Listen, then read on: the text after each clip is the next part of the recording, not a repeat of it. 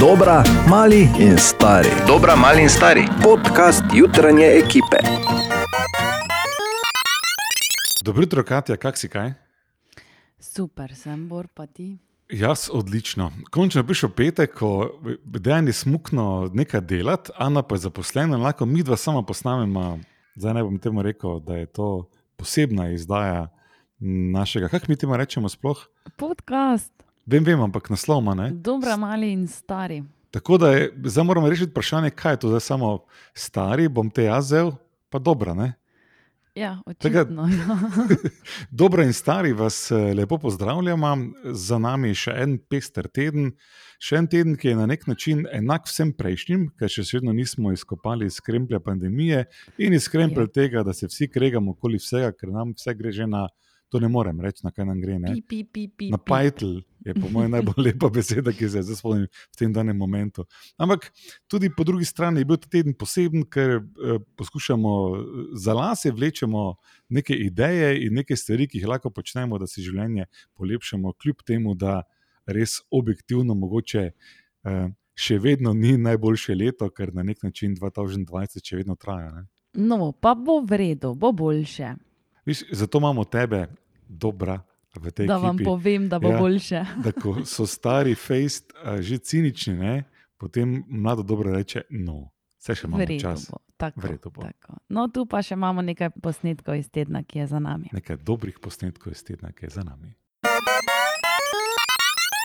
Želimo dobro jutro. Dobro jutro. Ja, dobro jutro. Danes je 15. marec, oziroma danes so tako imenovane, oziroma zelo glasne marčne ide. Marčevske ide.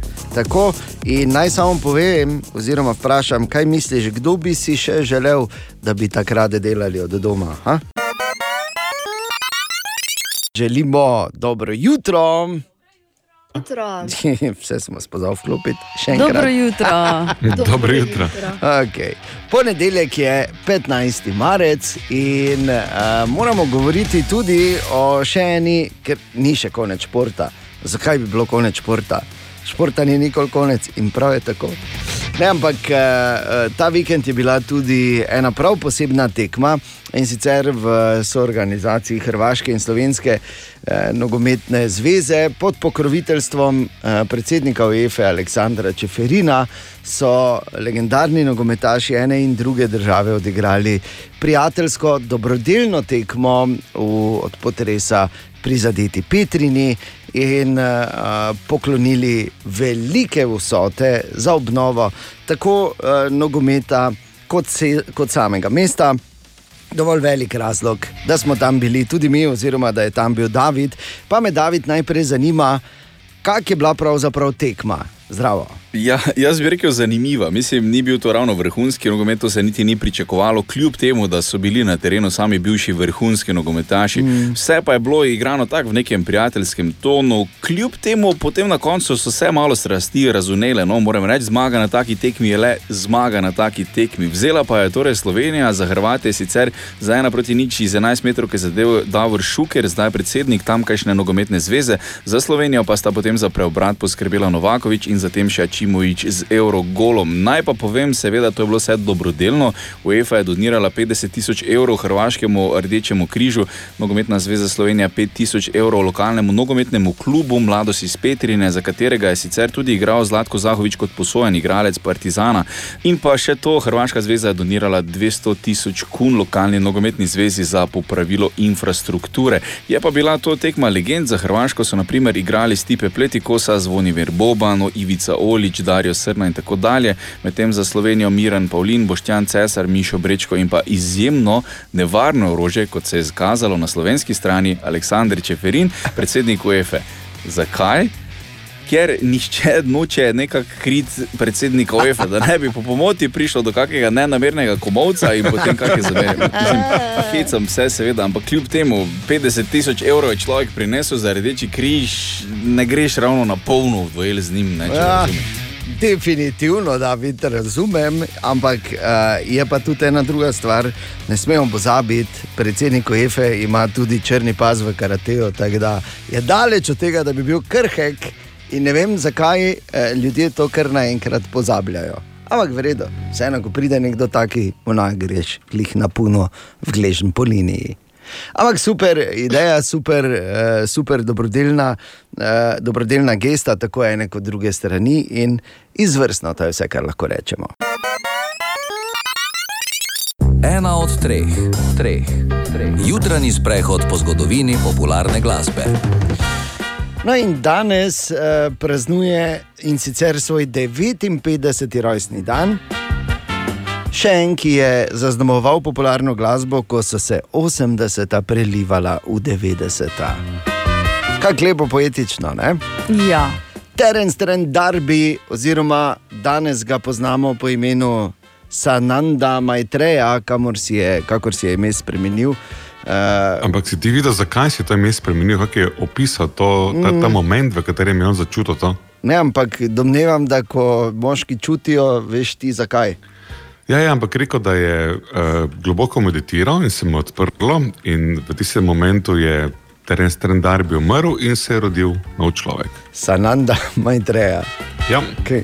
Tako da pazi, ko meditiraš, bor. Ja. Ne boš ti naslednje jutro prišel, pa rekel, ne vem, mene pa kličete Marjetka. ni čisto isto, no. Na srce. Povem samo. Ampak eh, njegovi hiti tam v koncu 80-ih in od začetka do začetka 90-ih so bili res izjemni hiti, kot so bili Sign Your Name. Sign your name across my heart.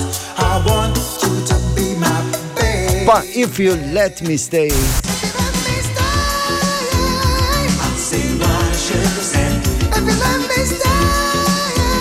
Ali pa denimo njegov duet z Desiree v hitu Delicate.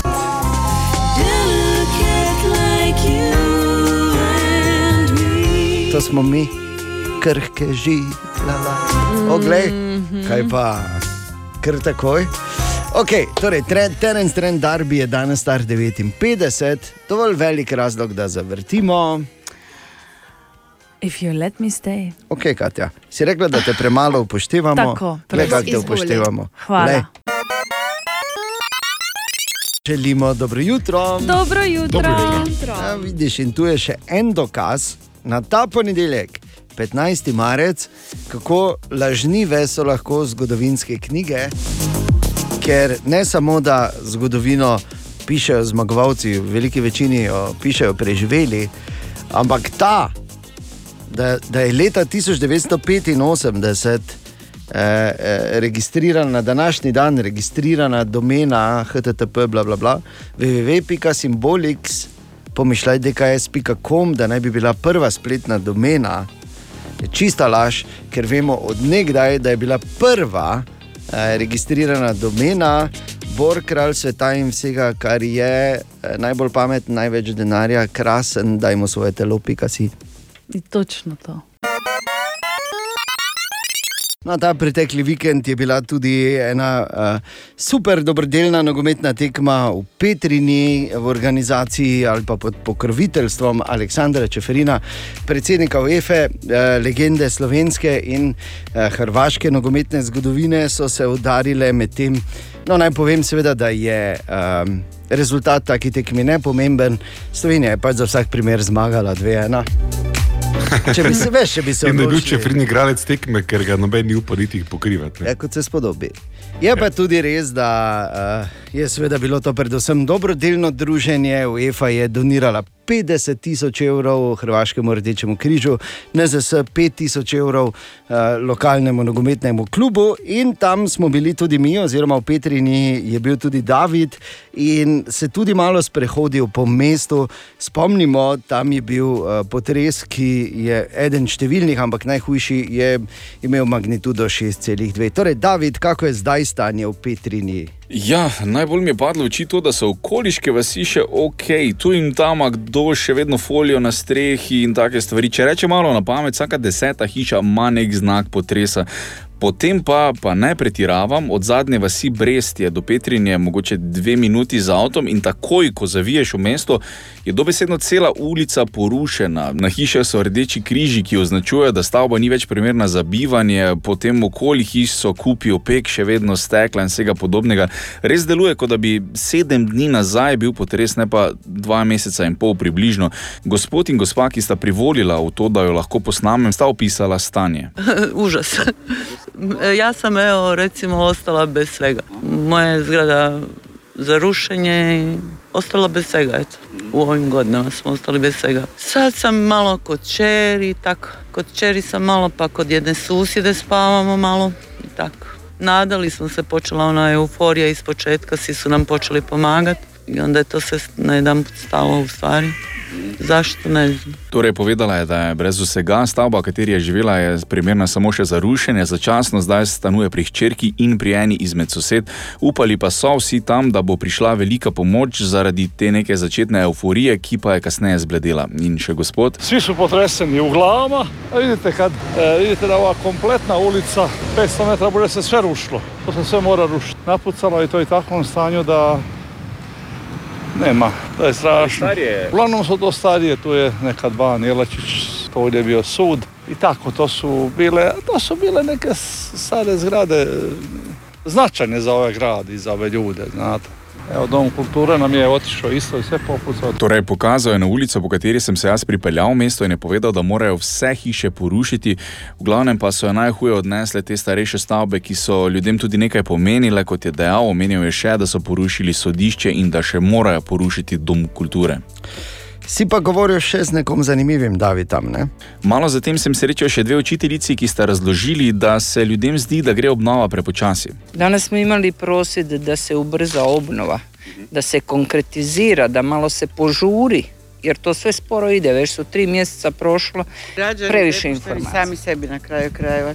Ideš od jedne adrese do druge, dođeš jednima, oni kaže, nije, ne, mi nismo odgovorni, zato odite tamo. Dođeš tamo, oni kažu, ne, ne, mi nemamo pojma o tome, odite nekom drugom. I tako, u beskraj. Da, evo, da snimite dva bagera rade. Jedan, rekla bi, kaos. Da, baš kaos, kaos. To je najbolja riječ za stanje u Petri. Dodali sta, da imajo težave pri birokraciji, pri prijavi škode in podobnem uradniki, ki jih pošiljajo od vrat do vrat, stane v mestu pa sta opisali kot kaotično. Spregovorili sta tudi, da kot učiteljici nimata dovolj informacij glede šole in da ju starši naslavljajo s vprašanjem. Mi sad nemamo informaciju, roditelji pitaju, roditelji bi htjeli da djeca idu u školu, razumijete? Pitaju šta je s time. Mi nemamo nikakve informacije o tome, razumijete? Kruže svakakve priče, znate. A ljudi polako odlaze, već je negdje oko Da. 3000 ljudi napustilo grad. školu jedna škola je počela raditi i u nju ide, idu učenici iz tri škole u tu jednu. I iz tri škole djeca idu u tu jednu školu. Možete misliti kako to izgleda. To je kaos, evo, to je. Kaos je, još uvijek je to kaos, nema, nema prave, ne, ne znam, ja ne vidim pravi. Ja sam sretna da je moja kuća čitava. Srušeni, samo neki dijelovi su srušeni, dimnjak je srušen. Torej, po njunih informacijah je okoli 3000 ljudi odšlo iz mesta v eno osnovno šolo, ki so jo usposobili, hodijo zdaj učenci treh različnih šol. Za konec je ena od njiju še dodala, da je njena hiša utrpela manjšo škodo in ima srečo napram mnogim, ki je niso imeli. In kot že mnoge zgodbe, ko se zgodi, vsi želijo ful pomagati, pol pa, ko mine nekaj ur, pod narekovaji, seveda, pol pa vse nekako zbledi, pa ni več to prva novica, pa že vsi skupaj malo pozabimo. Ne? Ampak kar je najhuje, pozabijo tudi tisti, ki bi najbolj morali skrbeti za to. Zato upam, da bodo, glede na vse, kar smo slišali po Davidovem obisku Petrine, tam odgovorni k malu, ampak res k malu omogočili uh, vsem ljudem, ki absolutno niso krivi zaradi naravne nesreče, vsaj osnovne pogoje za dostojno življenje in izobraževanje otrok. Želimo dobro jutro. Dobro Dobro jutro. jutro. Ja, dobro jutro. Danes je ponedeljek, 15. marec, in tu je še ena uh, novica, ki je morda preseneti, morda pa kdo reče, dobra ideja. Namreč znanstveniki želijo, v primeru, da na Zemlji pride do kakšne katastrofe, na Luno poslati 6,7 milijonov vzorcev človeškega semena. Aha, Ne? Če bi tukaj bilo, da imamo gori lepo shranjeno, fajn je hladno pa to. Um, bi pa samo, ker to je na mestu, je zdaj samo eno vprašanje, vprašanje, ker zdaj so se začeli deliti, zato je bolj treba vprašati, ali si v ekipi darovalcev ali v ekipi pobiralcev.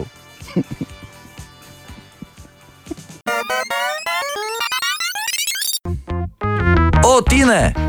Prvič v novem tednu, Tine, dobro jutro. Ja, dobro jutro. Zdravo. Dobro jutro. Dobro jutro. In Veš, ko sem prej zastavil vprašanje ob informaciji, da nameravajo za, za vsak primer, če bi bilo na Zemlji kakšna katastrofa, eh, 6,7 milijonov vzorcev človeškega semena eh, peljati na Luno, sem jaz Bora vprašal, kera ekipa je darovalec ali pobiralec.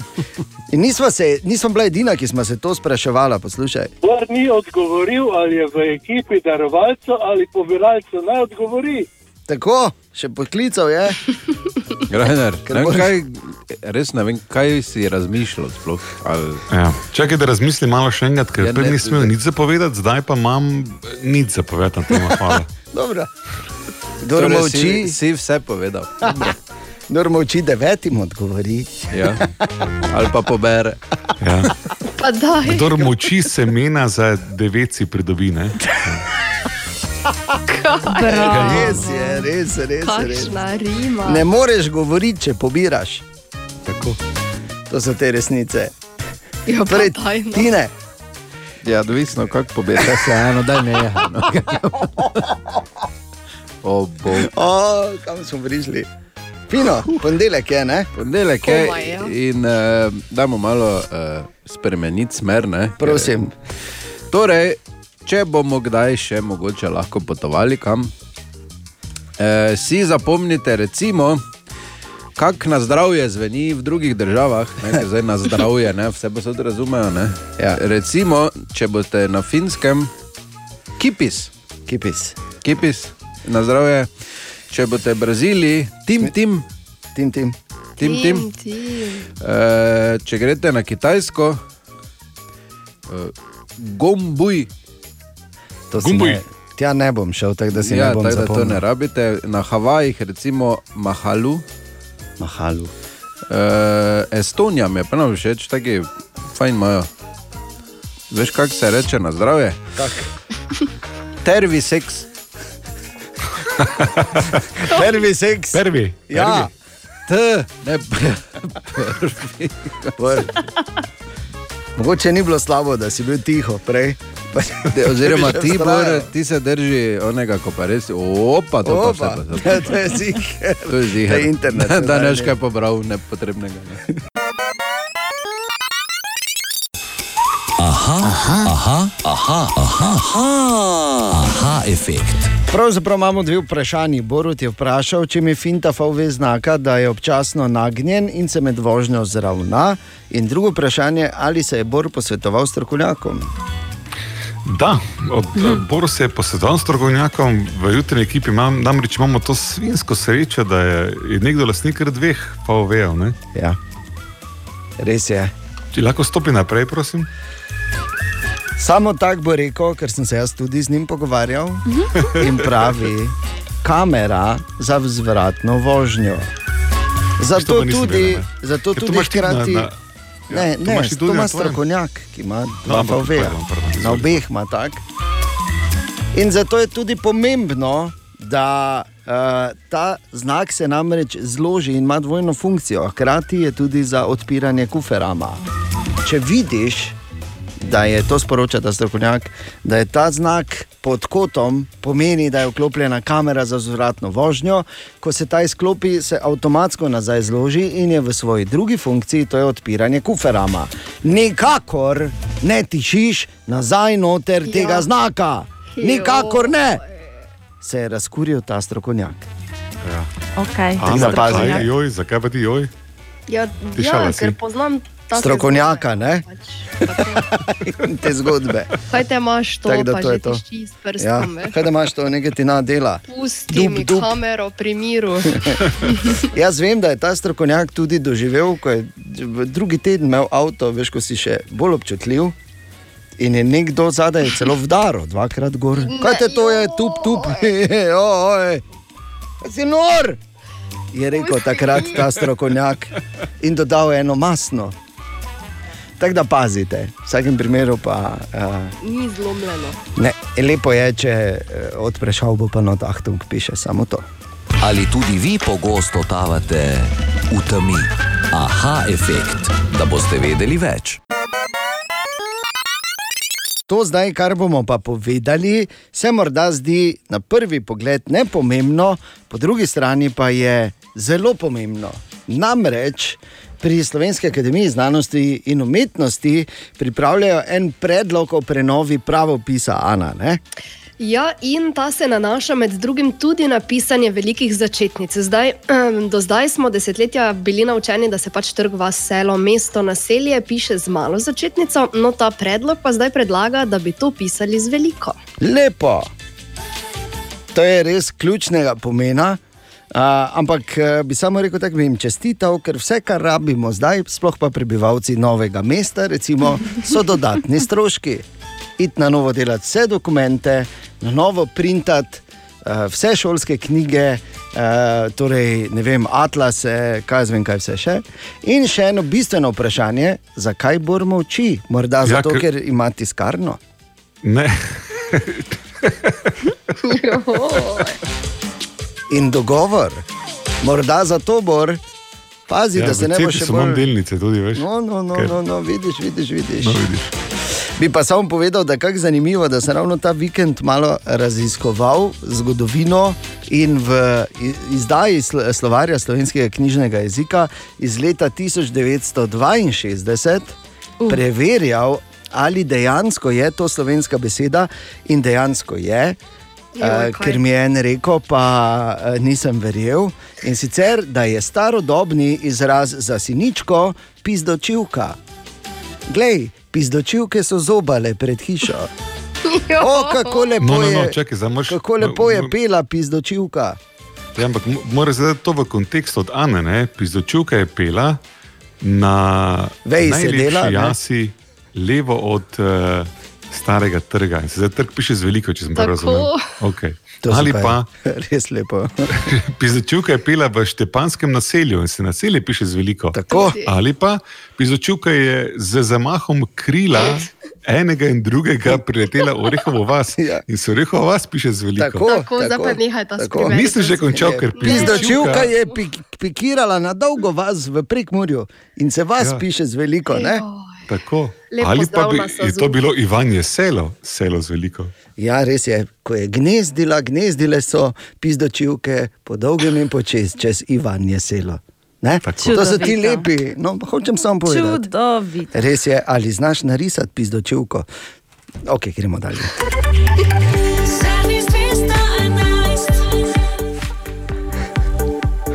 Aktualni jutranji informacije, otroci, res otroci, se pravi, če otroci. Ali znamo povedati o vremenu, Katja? Seveda znamo, no. jasno je. Tri stopinje so izmerjene, jasno ostaja danes. Do največ 12 stopinj močneje bo zapihal severni veter. Aktualno stanje na cestah, prometne In redakcije. gremo dalje, pozor, ne snemajte gum, ker ena pizdočivka še ne prinese pomladi. Ne, če si nička, ne lastovka. Oprosti, Bor, prinese no. ena sinička pomlad. Če pa nikamor ne grejo, siničke, pizdočivke niso ptice selivke, bor, naj te podočim. ampak tudi pomladi ne prinašajo. Pizdočivka je lum- rumena in ima beli ring okoli vratu. Če jo hočeš, eh, ne, ker vidiš vrabčka in vidiš eh, eh, liščka in vidiš pizdočivko, da veš, kaj je razlika. Okay. Velika. In tu je naš priljubljen jutranji segment izborove špajze, čeprav je pod vprašanjem že celo jutro, ker je Bora spet v križu prasnilo. Ja, nekaj sem šraufal včeraj, pa sem bil predolgo v istem položaju, ampak to je ta krasni zgovor za to, da pač eh, epidemija povezana z lenobo, ali pa predvsem na strani lenobe. eh, Ja. je, bom rekel. Kar povej, je kar razlog, povej. Zakaj je moja negibčnost mi pripeljala do dejstva, da me je fajn zopet ruknilo. Ne? Ampak, Ja. gledaj, bomo še izvlekli. Je pa res, da tako si rekel, fino izkoristiti sedajni moment, da se spomnimo, recimo, Um, Mary Schmidt je moja priljubljena kolumnistka, ena njenih najboljših kolumn, Wear Sunscreen, je tudi zaradi Baza Lermana postala pesem. In da je samo en stavek, ki bi ga ob tej priliki ven potegnil. Ne? V prevodu, Izvoli. seveda, ker mimo grede ni slovenskega prevoda tega besedila, deset let se že spravljam, vedno ko krenem, sem tak, ne, pretežko je, bom drugo leto. Ne moreš, Ampak ne, ta- nisem še. Ne. Nisem še tam, ampak ta en stavek se glasi takole: Pazite na svoje telo, to je najčudovitejši instrument, ki ga boste kadarkoli imeli. Ja. Najboljši aparat. Ne bi nekaj, samo če bi evro dobil za vsakeč. Ne? A, visoka na mreži. Ampak ja, varujte ga, čuvajte in v njem uživajte. Želimo dobro jutro. Dobro jutro. Torek, 16. marec je torej že danes. Marsikdo si zdaj pripravlja zajtrk, nekateri recimo pač nekaj na hitro skupaj zmečajo, eni malo zagrejo mlekeca, ne? pa preko kakih uh, Čokolešnik. kosmičkov. A ja, a pa čokolešnik. Lekeca pa kosmičko. Ja. Tako. Torej čokolešnik. Malo bananike, nutne. Okay. Skratka, uh, vsak kak mu paše. Jaz imam pa recimo za zajtrk izjemno rad, ampak izjemno rad uh, pečeno slanino. Samo si jo tudi izredno redko delam, zato ker uh, vsakeč, ko to delaš, to imaš vse v megli. In zato sem razmišljal, Katja, ti imaš ogromno teh lifehackov, ali imaš kakega povezanega z slanino, ali se da narediti hrustljavo, brez da uh, se pravi, kuhinjo. Ja, sosedi gasilce ja. kličejo, pa ne reči, da daš gor pokrovko. Ker s tem ne narediš nič drugega, kot samo si uh, pač to točko, ko je vse v megli, premakneš. Ja, ker, ker na neki točki moraš uh, dvigniti dol ne. pokrovko in ti dobiš vse nazaj. Ne bi bila zdaj rada nesramna, ampak zelo amatersko to, da se peče. No, slanina hvala, ja, na okej. ponvi, ne. Ja, kje pa se peče? V pečici. pečici. Ne, ne, ne, čisto preprosto, samo minutko v bistvu. Pri rabiš, sosedu. Ja, najboljše. Ne? Minutko rabiš samo, da narediš popolno slanino, Ja. uh, brez tega, da imaš kakorkoli, karkoli že v megli, ti, sosed, kdorkoli. V bistvu vzameš peki papir, naložiš slanino na peki papir in potem to zaviješ in daš samo za minutko in res samo za minutko v mikrovalovno pečico. Pa da nehaj. Ampak res samo za minuto, ker če pustiš dlje, bo vse eno v dimu. Na koliko? Preverjeno. Na In tu imamo koliko? mini problem, ker so pečice različno močne. Še zato? Na Ja, koliko vatov? 650. Okay, Tam jaz. 650, tako da vem. Jaz imam 700, tako da si bom zaračunal, da dam za 50 sekund. Recimo, ne. Tako, recimo. Okay. ja. Na, mislim, to zdaj tako že z glavo računam, ne mi ko znamo računati. Pod narekovaji, seveda. Boru bomo mi zračunali. A, v vsakem primeru pa se strinjam, verjetno res moraš biti pri tem previdna oziroma previden, ker drugače imaš to mikrovalovno lahko samo še za sladnino delati. Ne? Ja, ja. Okay. Hvala lepa, Katja. oki, ja. Bom, pa, bom poskusil in se bom za vsak primer zraven snimal. In seveda, pol ta film nobenemu ne pokazal, tako se to naredi, jasno, da. Za lastno arhivo.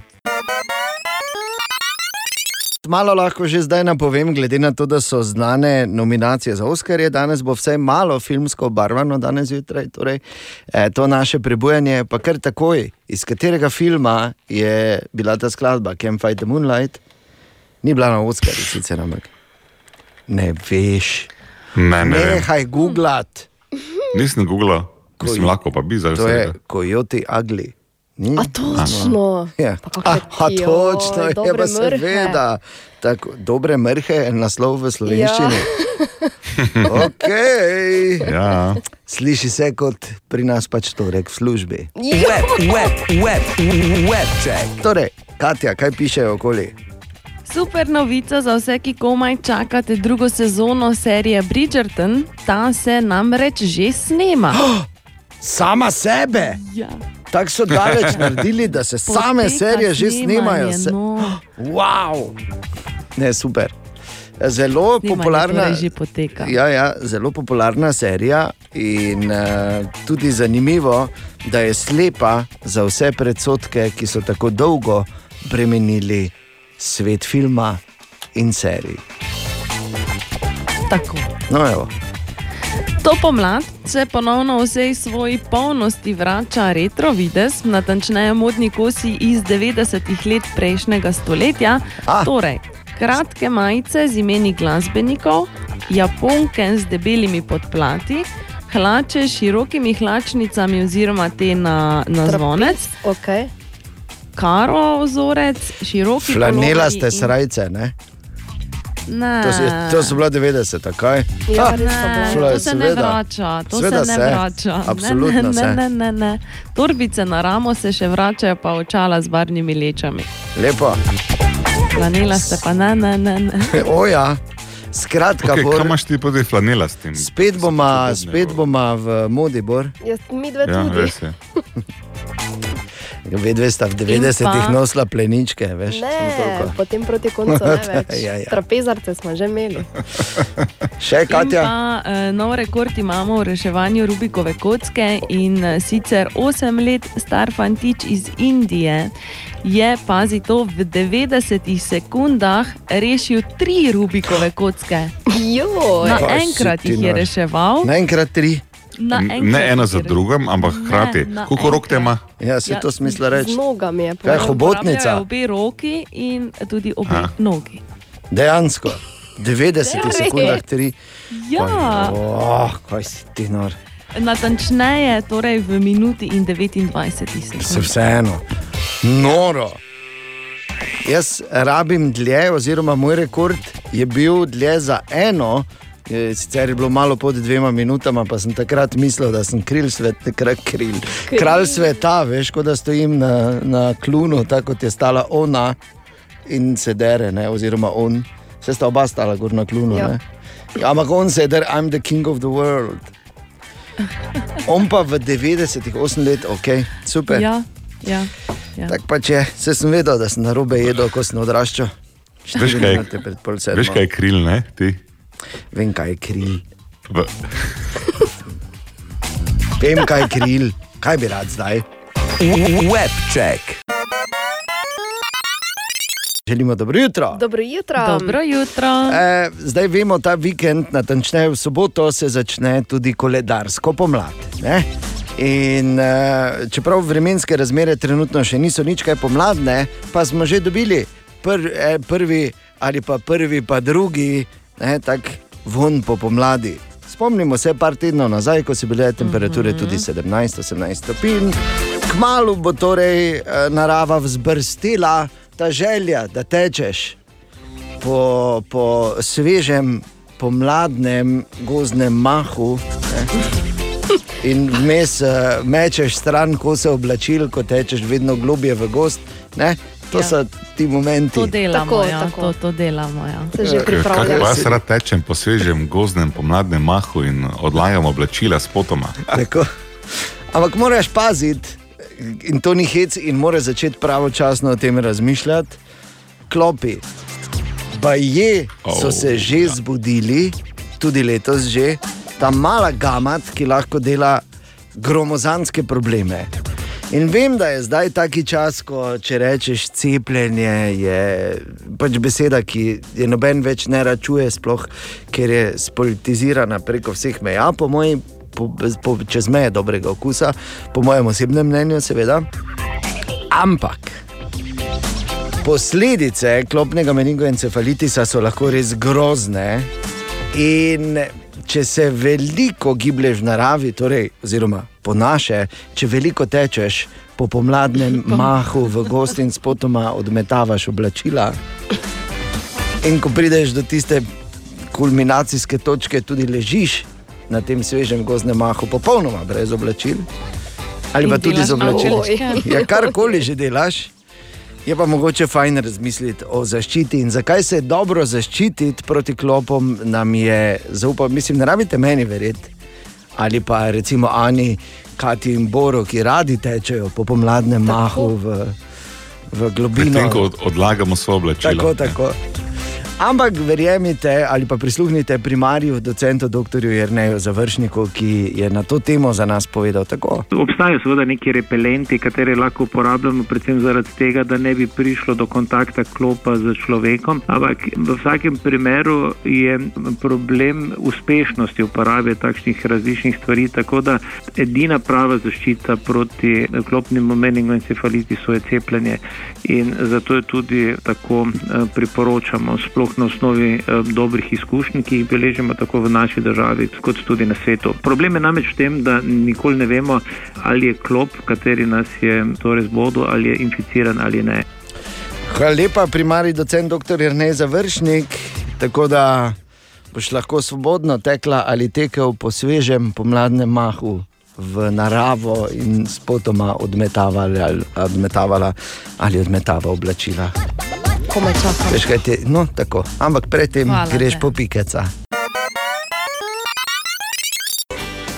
Ja, še en dokaz, kako je, če, eh, da je dovolj samo, da je dobra življenjska zgodba in tako imamo tukaj hit. Seveda, vokalne in civilsen in tako dalje. Tako da zdaj upam, da bo kmalo mogoče naredila še, če še ima to energijo, hit o tem, kako se, eh, kak se mi ni dalo iti na trening. Recimo bi tudi bil zanimiv hit, ne? ali pa eh, k šefu na sestanek.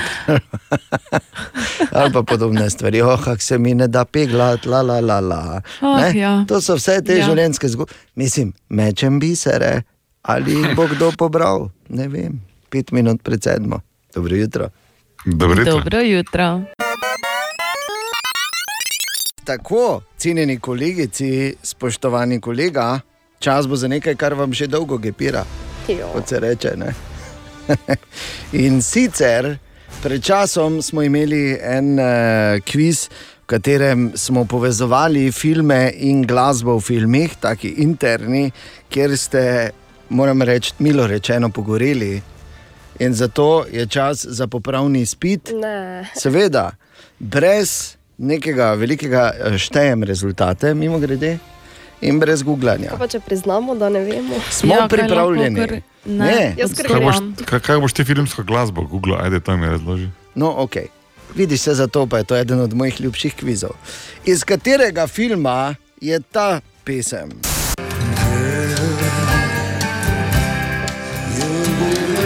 No, Zdaj pa prav, se bom lahko Google. daj nehaj. Pet, štiri, tri, povejo. Dva, Ne bom kaj ena. Res ste. To je seveda iz kultnega filma Pulp Fiction. Razoča ja, tako, ne zdaj se ja. boste znašli. Okay. Ja, Iz no, katerega filma je ta skladba? To pa vem, Fifty Shades of Grey. Fifty Shades of Grey, Ana Lakota, prva točka, 1-0-0 je. ok, iz katerega, samo dve sta še, iz katerega filma je ta pesem?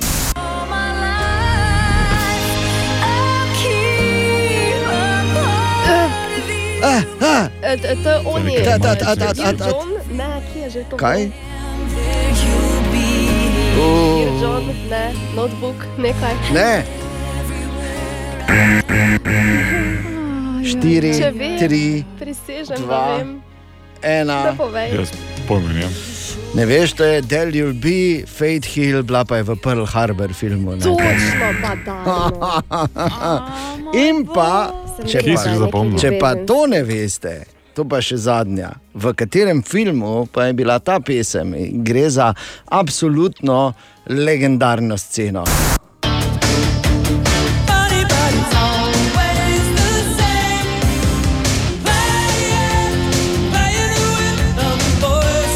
Ta-na-na-na.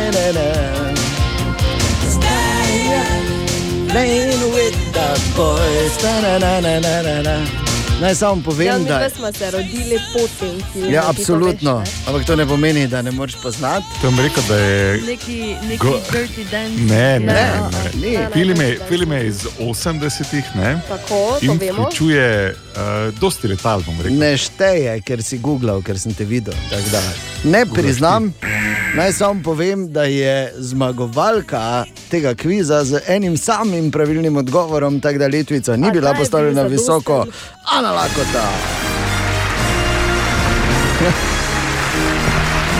To je samo segrevanje pred peckom. No, no, sam ampak samo povem še enkrat. Mm. O, Tine! In je prišel mimo Tine, dobro jutro. Ja, dobro jutro. Dobro jutro. Dobro jutro, Tine. Zdravo, Bor. Kako si? Zdravo, Tine. Kak je? Čuj noro. Ne vem, kje naj začnem. Aha, na začetku. A, na koncu je začnem. Pa ga proti slišal? začetku. Ne vem, kje naj začnem. Ah. Dobro. Dobro. Zelo. Torej, Tine, kaj imamo danes za eno zanimivost? Mimo grede, danes imam prvo obletnico. Kaj sem, v, Res? kaj sem v etru od desetih do dveh. Bravo. Tako da hvala za vse čestitke. Ker to je čestitamo, ja. To je pa res uh, ti obletnica, obletnica, o kateri se še lahko menimo, ker vse ostale obletnice povezane z radijem so že. To je tudi res. Ne ja. govori. To je tudi res. E, drugače pa eno mini zgodbica. Ja. Eno mini zgodbica. Eno, Dobro, mini, je. eno mini zgodbica. Dobro. Okay. Torej, eh, možnost, da vas napade eh, morski pes, je 1 proti 11,5 milijonov. Tako. Eh, možnost, da vas v divji Sploh, če si v Mariboru, ne? Kjerkoli, če si. Pametnjakovič. Eh, možnost, da vas v divjini napade eh, medved, 1 proti 2,7 milijona. Okay. In možnost, da vas divjini strupena kača vseka, je 1 proti 37 tisoč. Zdaj pa pazi. Uh, obstaja en uh, mlad gospodič, Dylan, Ne. Dylan McWilliams, vem, ki je rekel. planinaril, pa ga je strupena kača vsekala. Čez eno leto je šel kempirat, pa ga je uh, medved napadel. Čez eno leto je na Havajih surfal, pa ga je morski pa pes ga je morski pes uh, vgriznil. Uh, zdaj je pa možnost, da preživiš vse tri take napade, Jo. je ena proti 893 kvadriljonov. In uh, Dylan McWilliams je uspel tako da. Bravo. Dylan, čestitke. Ali je kupo loto listek Ja, tudi? to je zdaj vprašanje. Je, samo naj ni dobo. Ker možno dobiš na lote manjša. Mimo grede, katera žival pa je v zgodovini uh, ubila Tjuln. največ ljudi, ni tjuln. Komar. Pajki. Ja, pa je res komar, veš. Je komar. Ja, bolj, da je, Mislim, kaj pa mi ampak že zaradi tega, ker prenaša, ne, ne zato, ker je prišel, zdaj pa te pojedo. hudi, hudi komarji. Ja, ti ne super. Tako se oglašajo. Tak Točno tako reče. zveni hudi komarja. Ja, na pagu so najhujši. To ni po hrvaško. Ko slišiš, da zadaj neki za mobilno kučico, zapri okna. Aha, aha, aha, aha, aha, aha, aha efekt. In uh, vprašanju za aha efekt, tadej, kako je mogoče, da vemo, kako so se oglašali dinozauri, če jih nikoli nismo slišali.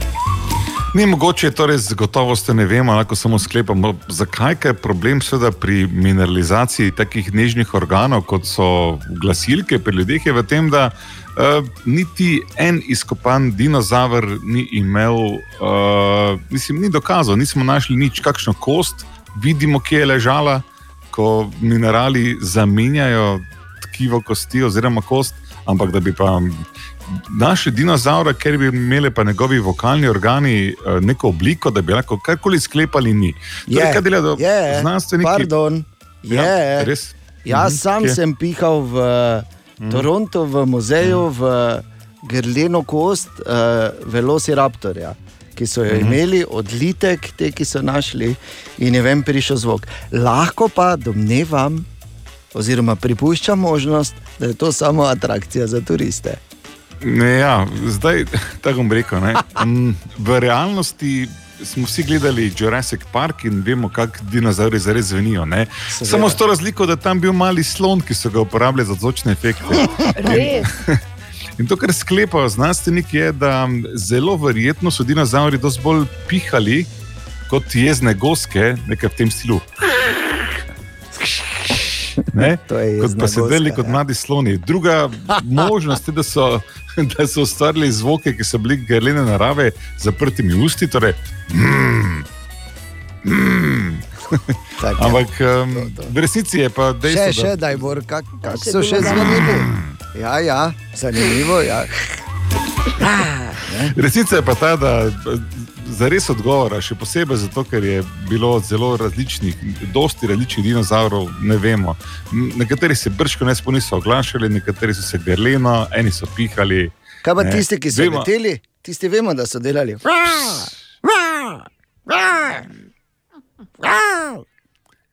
Ja, ne, samo da pač leteči ptiči so bili bolj podobni krokodilom, kot pa ptičem danes, tako da ne vemo. Ne. Recimo, ne? Tako so šli. Kaj mimo letel, definitivno ne? ni bilo. Uh, tudi ne. Zakaj ne? Lahko je karkoli rečemo, da je. Tako da- Recimo. Ne? Ta zadnji, ne? Lahko še enkrat, ta, ta je bil kar blizu. Je, ne? Se vem, se vem, glej, ne govori sploh. Dajta zdaj vidva. Ali tudi vi pogosto tavate v temi? Aha, efekt, da boste vedeli več. Če enkrat želimo dobro jutro. Dobro jutro. Dobro jutro. Dobro ja, jutro. Ja, dobro jutro, dobro jutro. In tu je še en dokaz, kako je v bistvu vse v življenju na nek način stvar zornega kota. Ker lahko bi prebrali recimo ta naslov kot pač eno informacijo iz avtomobilske industrije in sicer miniji še samo električni do leta 2030. Recimo, informacija z avtomobilske industrije, zanimiva, ekološka, uh, nimaš kaj. Uh, in pa je pač informacija. Lahko pa prebereš miniji, še samo električni do 2030, in rečeš, huh, dobro, da ne govorijo o nas, ne mislim. Veš, tako pač je stvar zornega kota. Bi pa samo eno stvar povedal. Dobro jutro najprej. Dobro jutro. Dobro jutro. In, opala, gled ptičko. Ha. Tak, ja, delaj s kamero, delaj, delaj to, to. Mhm, mhm, Kje je koža? Ja, ja. Ne? Ali kak se že pač eh, kriči v, v teh. Smej se z učkami. Ja, tako, smej se, jo pokaži mi, po- pokaži Saj, mi. Smej se z učkami. Juhu, ja. Največ hodi na Ti- fotosešne ti Ljubljane. Pokaž, pokaž, tako je. Ja, ja, oh, oh, ja, vidiš, to oh, tam deli, mutno deli, reče. oh, ja, ja, ja, ja, ja, oh, mucek, mucek. Tak nekako, ne? Tako. Kot delajo ti, ne? Kot pač, ne? Ampak eno drugo stvar. Ne vem, kam ti hodiš, Ja. slika, da ta Hej, jaz imam samo odprte oči in opazujem. Bi pa samo dodal, da ima Photoshop novo funkcijo in sicer imenuje se Super Resolution, ki uporablja uh, algoritme oziroma umetno inteligenco, da dvigne število pikslov na fotografiji tudi do štirikrat. Sliši se E, super, naj samo rečem, bor za najne portrete še vedno premalo. Želimo dobro jutro. Dobro jutro. Dobro jutro. Torej, sreda 17. marec je danes in zunaj je že malo svetlo. Eh, Ne se preveč navaditi, že prihodnjo nedeljo gremo na tako imenovani umetni oziroma poletni čas. Tako da malo še, pa bo spet tema zjutraj. Eh, Ne se no preveč razvaditi. To, to, a, pardon, samo malo moram pogledati, le spet. Kaj bo da? Ko Oba. pa tebi pišejo Idemo. na vse zgodaj. Eh. Bog se je spet oglasil. Le za vsako stvar me sprašuje, ne morem verjeti. Želimo dobro jutro. Dobro jutro. Dobro jutro. In čas je za eno priznanje, moram reči. Dolga leta se rabo, da sem se dokopal do tega momenta, ampak um, par dni nazaj uh, sem z mojima pubecoma nekaj smo gledali in štrckali in našli en dokumentarec o Tomu Cruzu. In dolga leta se je to nabiralo v meni, pa je na, napočil ta trenutek, ne morem si več zatiskati oči pred njim. Moram povedati eno stvar.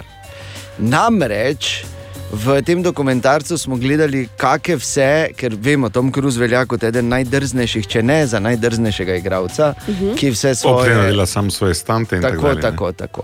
Ampak, ali ste vedeli, zdaj ne vem, če ste gledali Mission Impossible Fallout, tam je eh, na koncu tista glavna scena, ko Tom Cruise z helikopterjem lovi drugega, hel, drugi helikopter v Alpah Nove Zelandije, so to snemali v Alpah, tam v Gorovju eh, Nove Zelandije. In uh, kar je zanimivo, da Tom Cruise dejansko je tam sam letel helikopter, delal akrobacije s helikopterjem, medtem ko je bil v karakterju. In to ni zdaj več tako, da bi zdaj to delaš pred green screenom, pa nekaj ne gre, pa eh, ni, gremo še enkrat zaletel, sem se pod narekovaji. Tu, če bi on krešno, bi dejansko umrl, ker je sam letel in imel noter. On je moral ne samo leteti, ne samo igrati, ne samo delati akrobacije, ampak še malo upravljati z kamerami, ki so bile v helikopterju. Tako da tista scena, ko se lovijo v eh, Mission Impossible Fallout, Tom Cruise sam letel. V še enem Mission Impossible Rogue Nation je ena scena, ko mora iti pod vodo in ful dolgo držati luft, pa nekaj tam rešiti, pa nekaj sprogramirati ali kaj. Uh, šest minut in pol. Tom Jo. Cruise, ja, Res ali kaj? Ja, šest minut in pol imel je posebne uh, vojaške strokovnjake, ki trenirajo pač te ameriške specialce, da se je naučil dolgo držati luft. Šest minut in pol, tako da tista scena, ko jo gledamo, to, to je Tom Cruise dejansko tako dolgo pod vodo in, in pač te stvari rešuje. In ker seveda v prvem teku uh, ne posnameš vedno, so morali to ponoviti osemkrat. Ah, Še enkrat v Mission Lepo. Impossible, v Ghost Protocol, ko v bistvu laufa, eh, mislim, da se reče temu Australian Rappel, veš, ko imajo štrik, pa dol naprej laufajo z, z obrazom naprej po, po ravni steni. Ne? Ste že videli to kdaj? Ja, No, skratka. samo ne vemo, kako se reče. Ja, to je Tom Cruise dejansko delal po Burj Khalifi, eni od najvišjih stavb na svetu, je laufal dol, da so snemali, pa Čakaj plesal. malo, poč- počakaj malo. Po stolpnici dol je laufal. Ja, ja, ker nisi gledal Ghost Protocol. Vem, je, slabo, ampak slabo. pozabil, zmes, ja. to je on bil sam. To je, to je on bil sam. Ja. In pa še ena, tudi iz Mission Impossible, iz filma Rogue Nation, ko na začetku uh, se tako drži ob strani na tovornem letalu, ki leti. Ne? ne, pa da ni. To je dejansko bil Tom Cruise, ki se je držal ob strani, bil je sicer gor zvezan, ampak so potem ta štrik so potem ven zeditirali, ampak ne spremeni dejstva. To je bil on, ki je ob strani bingljal in, in so snemali, in letalo je takrat se dvignilo na nekje 300 metrov. Uh, do 300 metrov je pač in, in letelo z uh, 400 km/h, in on je zunaj bingljal, brez padala, seveda, jasno, da. Ne? In da ne bi slučajno mislili, ker spet niso mogli v enem eh, posneti vse pravi čas, da bi bil on zadovoljen, zato je zahteval, da sceno ponovijo osemkrat. tudi. Zdaj vem, zakaj Top Gun Prav. 2 ni zunaj, oziroma zakaj nikoli ne bo zunaj. Ni zaradi epidemije. Če, če, do- ja, ker je Tom Cruise. Ne? To je zato, ker je Tom Cruise ne hotel sam voziti, ampak je hotel sam, da ga se strelijo, izstrelijo in eksplodira, pa niso pustili. Ti moraš vedeti, da dejansko Tom Cruise v določenih scenah v Top Gunu dejansko sam leti F-18. In zato je napočil ta čas, moram povedati. In ne glede na to, da je sicer član um, ene religiozne Jo, ja. skupine, ki se Mhm. pogovarja z vesolci, ne glede na to, da pa je jejo uh, posteljice po rojstvu, jaz bi rad bil Tom Cruise. To sem hotel samo povedati. Ne samo, da je ta epidemija korenito spremenila uh, marsikaj v naših življenjih, da se stvari spremenjajo tehnološko, delajo preskoki za par let v neki naravni evoluciji. Ampak ti novi časi so prinesli tudi nove, nova pojmovanja profilov znotraj plemena oziroma ureditve v tropu. Ne le alfa okay. in beta, oh. tudi sigma samci obstajajo. Naja, Jezus, kaj to pomeni sigma samec? Ali je to bor? Ali je to nekdo čist tretji? Dobro jutro. Dobro jutro.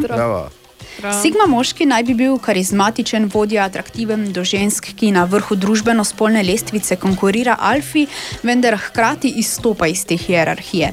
A tukaj gre predvsem za doživljanje različnih spolnih vlog moškega, lahko tudi ženske v nekem določenem odnosu.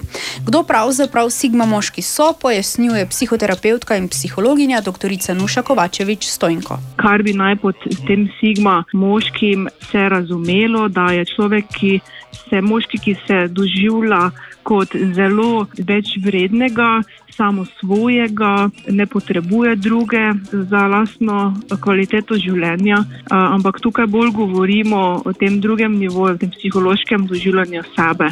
Gre predvsem za človekova lastna prepričanja, ki pa lahko privedejo do težavnega odnosa z drugimi. Okay. Ali je Aha. pojem Sigma moški nov pojav? Je novodoben pojav in naj bi odražal to, kar se dogaja v sodobnem svetu. Sigmi ugaja, če živi sam in po svojih pravilih, težko se prilagaja drugim, hkrati pa v družbi želi biti priljubljen. Ker pa izrazi kot sta alfa in sigma samec izvirajo iz poimenovanja živalskega sveta, se strokovnjaki teh ne poslužujejo.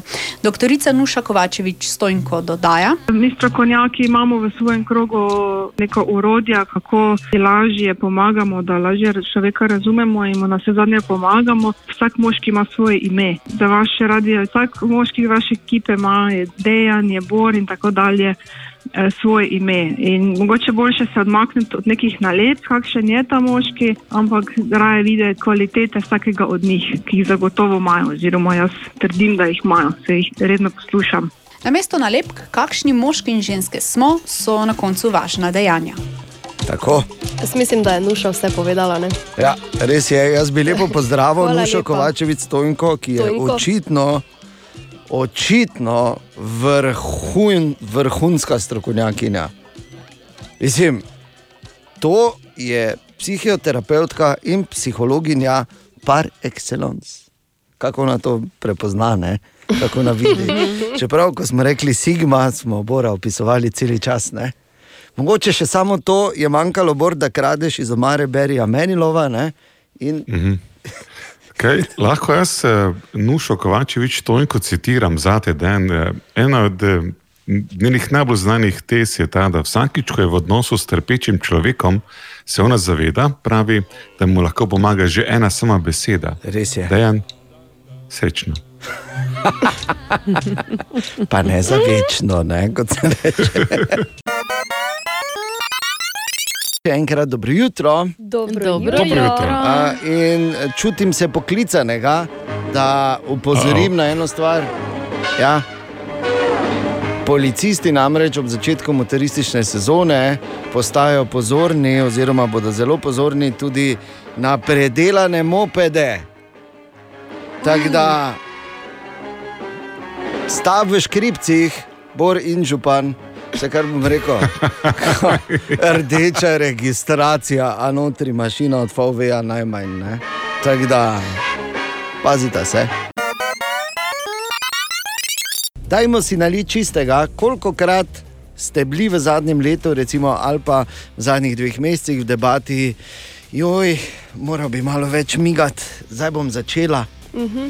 Zdaj bom začela hoditi, zdaj bom začel laufati, zdaj bom začel osvajati pohorje večkrat na teden. Ali pa, joj, oh, kako me križ boli, premalo se gibljem, ni čudno, tako dolgo že sem samo in to. Ne? In zato je šel včeraj na ulice našega mesta David malo povprašati, kako smo občanke in občani zaležani ali ne. Dobro jutro, David. In če naredim en najbolj enostaven zaključek, malo kdo je rekel, da se je gibal isto kot prej. Večini se je gibanje spremenilo ali na slabše ali na boljše. Ena od izjem pa je bila gospa, ki sem jo zmotil na Cankarevi, imela je kar eh, planinske palice že v roki, šla je na piramido in povedala to. Ne, jaz se skozi isto gibam. Ker sem tu blizu doma, pa vsak dan na piramido. Vsak dan lepo na sprehod. Razen če močno dežuje, drugače pa sneg, dež, rahel. Gre. Ja. Ja, mislim, da manj, samo zdaj, glede na to, da se bliža poletje, se je moglo začeti malo več. Ne? December je bil, pa dosti smo pekli, pa jedli, tako da ni bilo časa za šport. manj, zaradi vseh teh predpisov, korona pa to. Ja, pred epidemijo sem hodil več na sprehode, ne? zdaj pa hodim ponovadi na glavni trg, pa tu sedim, pa malo preživim čas, pa tako. Pol grem domov na kosilo, po kosilu pa kupiti neke potrebščine, pa domov spet. A ve- a Res se mi zdi, da sem dosti doma. Jaz mislim, da sem kar enako aktivna. Imam dva otroka, tako da um, en je tri pa pol, tako da moram biti kar aktivna. No. Ampak kar se tiče neke splošne aktivnosti v smislu nekega treninga, pa sem jaz isto. No. Niti pred epidemijo nisem nekaj, niti zdaj. Več, ampak v takih segmentih. Imam eno, ko sem bolj aktiven, pa drugo, ko sem malo zaležim, ampak po, poprečje po mojem dosti več. Ja, ker imamo vseeno malo več časa, overall, ne. Pa če nameniš vsaj deleč tega športanja ali pa malo aktivacije samega sebe, je po mojem pozitivno. Ja, vsaj nekaj. Ja, vsaj nekaj. Ja. Um, jaz mislim, da je približno isto. Pač, že prej sem se dosta ukvarjala s športom, zdaj pa je tudi pač ostalo isto. No, tako da to ni imelo glih nekega velikega vpliva. Ne, v bistvu sem že pred epidemijo um, večkrat na teden tekala in zdaj pač isto delam. Uh, ja, jaz pa sem takrat na začetku v prvem valu bila bolj, zdaj pa sem se malo polenila. Pač več hoditi, recimo na pohorje, to bolje v naravi. Ne? Glede na to, da sem plesala, sem bolj tak, ampak sem pa ostala v jogi. No, moram reči, da skrbim nekako za sebe, pa tekati sem spet začela. Da, malo spremembe, tudi malo mogoče pauze od tega, kar sem prej delala, ampak sem dobila pa nov zagon, recimo. Tako da po eni strani, če lahko povem, je nekako pozitivno tudi to vplivalo. No, da, Ne, prej sem bila definitivno dosti, dosti bolj aktivna. Seveda zdaj hodimo v naravo malo več, ampak načeloma smo se pa fejs polenili in tudi fejs poredili. Zdaj pa pač ne obiskujem ničesar. Se še nisem pela v nov sistem, da zdaj je dovoljeno. No, za konec pa še vprašanje za vas, za jutranjo ekipo. Smo v formi za kopalke ali kak? Ja, Jaz sem rekel, naše v zadnjem smo se fejs poredili, zdaj smo pa za nikamor. Hvala. Vedno smo pripravljeni, pardon. Ja, povej, Katja. Ne, ne, ker ti, Vedno. Ana, ti, ti ja, si vem, za kopalke. za eno delno nisem. To si, si. Kaj pa ti, Katja? Seveda si. Vedno smo pripravljeni za kopalke, ker se ne sekiramo več. Tako. Jaz pa vedno postavim obratno vprašanje. Ali so lanske kopalke pripravljene na moje telo letos?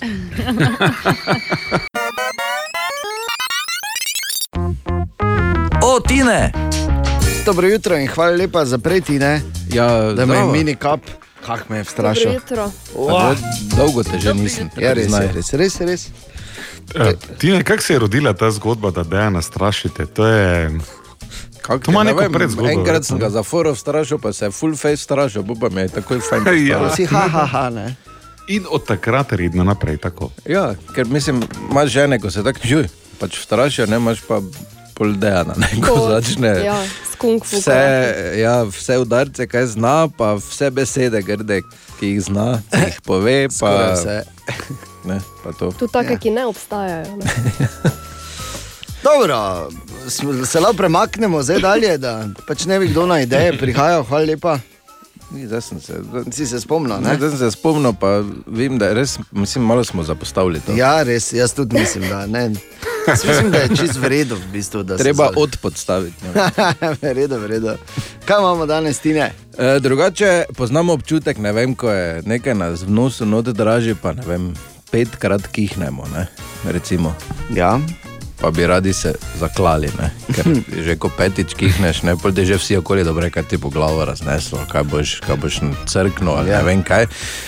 Te lepe Eh, želje. Te, te lepe želje.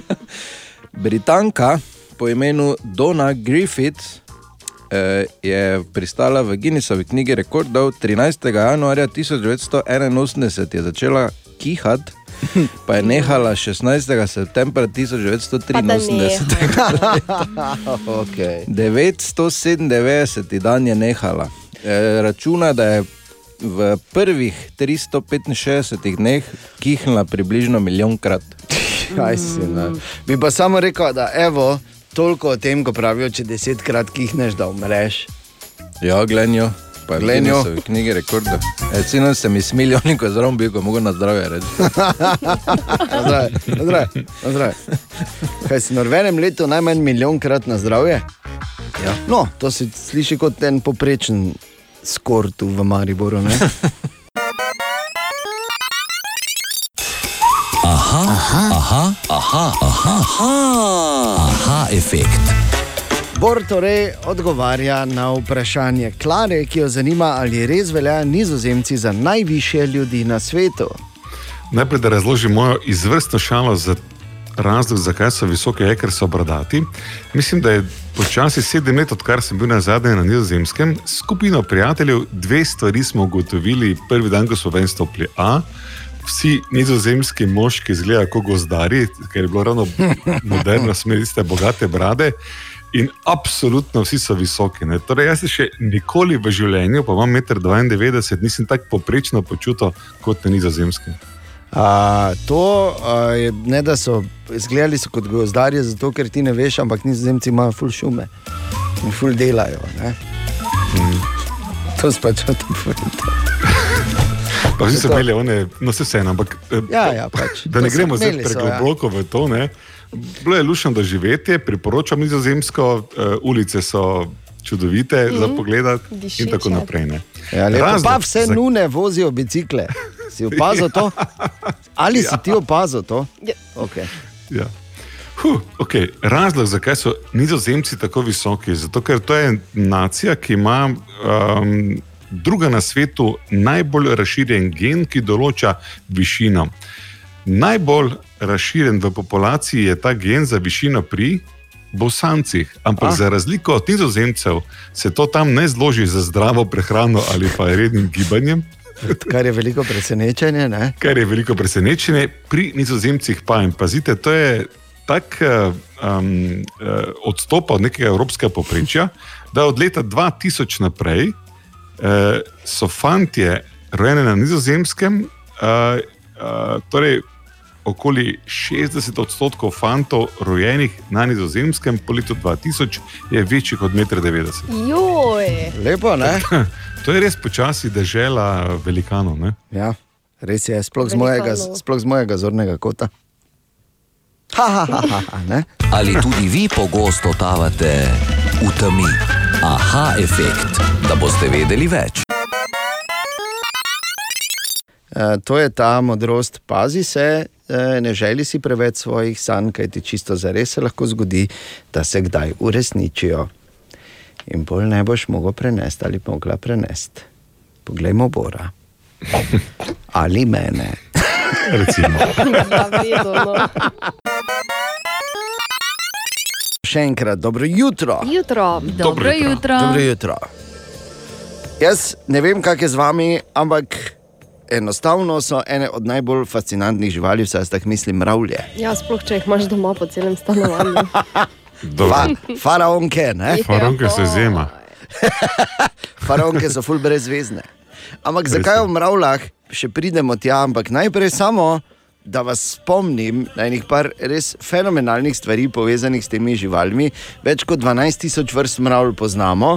So uh, ta živalska vrsta, ki ima tudi najbolj boleč ugriz, uh, ugriz v vsem živalskem svetu. pravzaprav. Um, In sicer v Amazoniji živijo te mravlje, ki če te pajsne. Uh. Pa mimo grede, vemo, da v, živijo tudi v Afriki, ali kje že tiste mravlje, ko smo Indiana Jonesa gledali, ko pridejo na tebe, pol pa samo kosti Jo, ostane. mene vse srbi. Zakaj te zdaj srbi že? da? Okay, mravlje so tudi najdlje živeči insekti, obstajajo vrste mravelj, ki živijo tudi do 30 let. Dvignejo tudi do 50 krat svojo težo, kar se recimo v vajnem primeru Ana in Katja ne zdi tako dosti. Ko pa pridemo do mene, pa je to kar impresivno, ne? če bi jaz 50 krat svojo težo dvignil in z lahkoto neso. A, in pa živijo na vsakem seveda kontinentu, razen na Antarktiki, živijo v kolonijah, nimajo ušes. Si predstavljaš ta blagoslov? Pride domov iz službe, pride domov iz službe, pa se samo gledata, ne rabi poslušati, bolj več.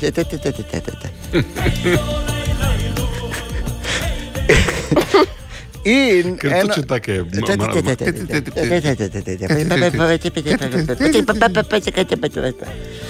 To seveda ne govorimo iz vlastnih izkušenj, to smo filme gledali.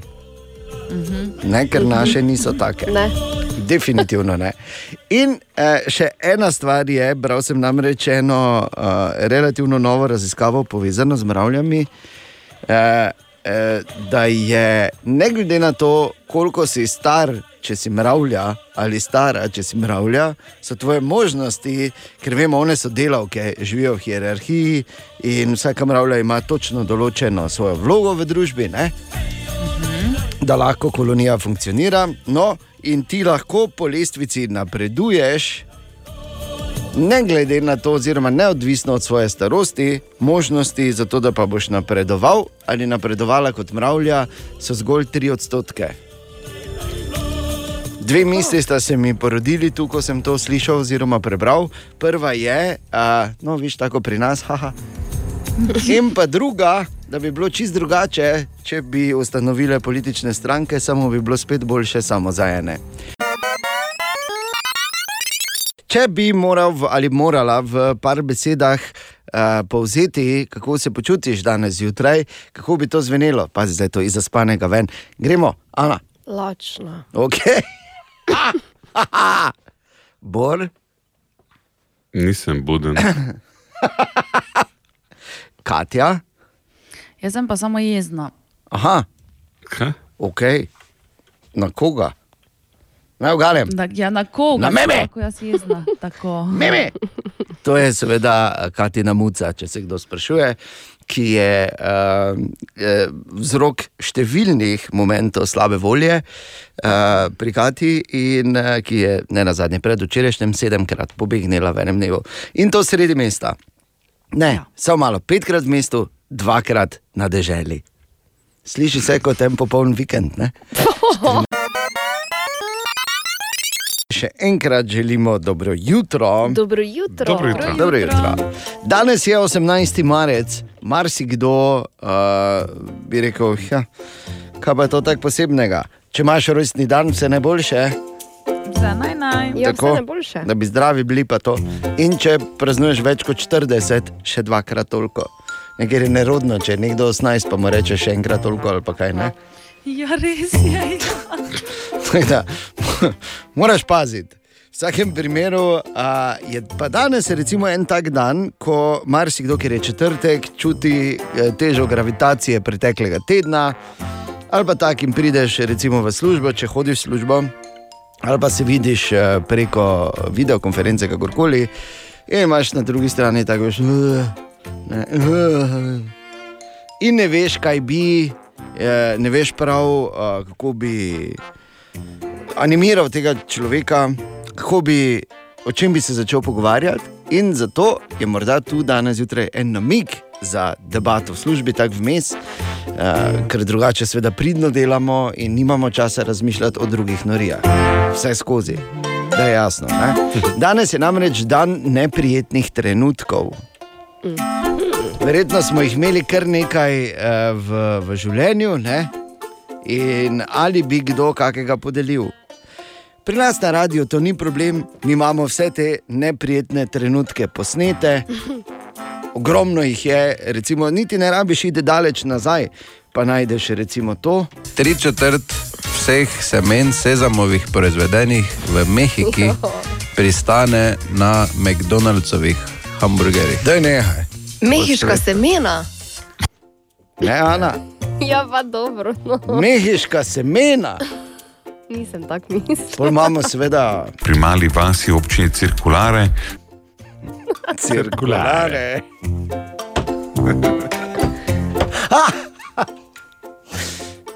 Sveda, Velike zize imam. je rekla Katja, ne? Recimo, ne? večkrat. Velike zize imam. Tak. Neskromno.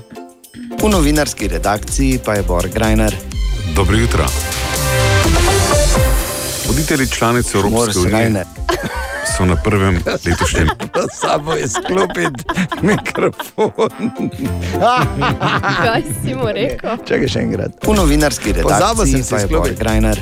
Dobro jutro. Voditelji članice Evropske unije so na prvem letošnjem virtualnem Kar dalje. Šmor Srajne.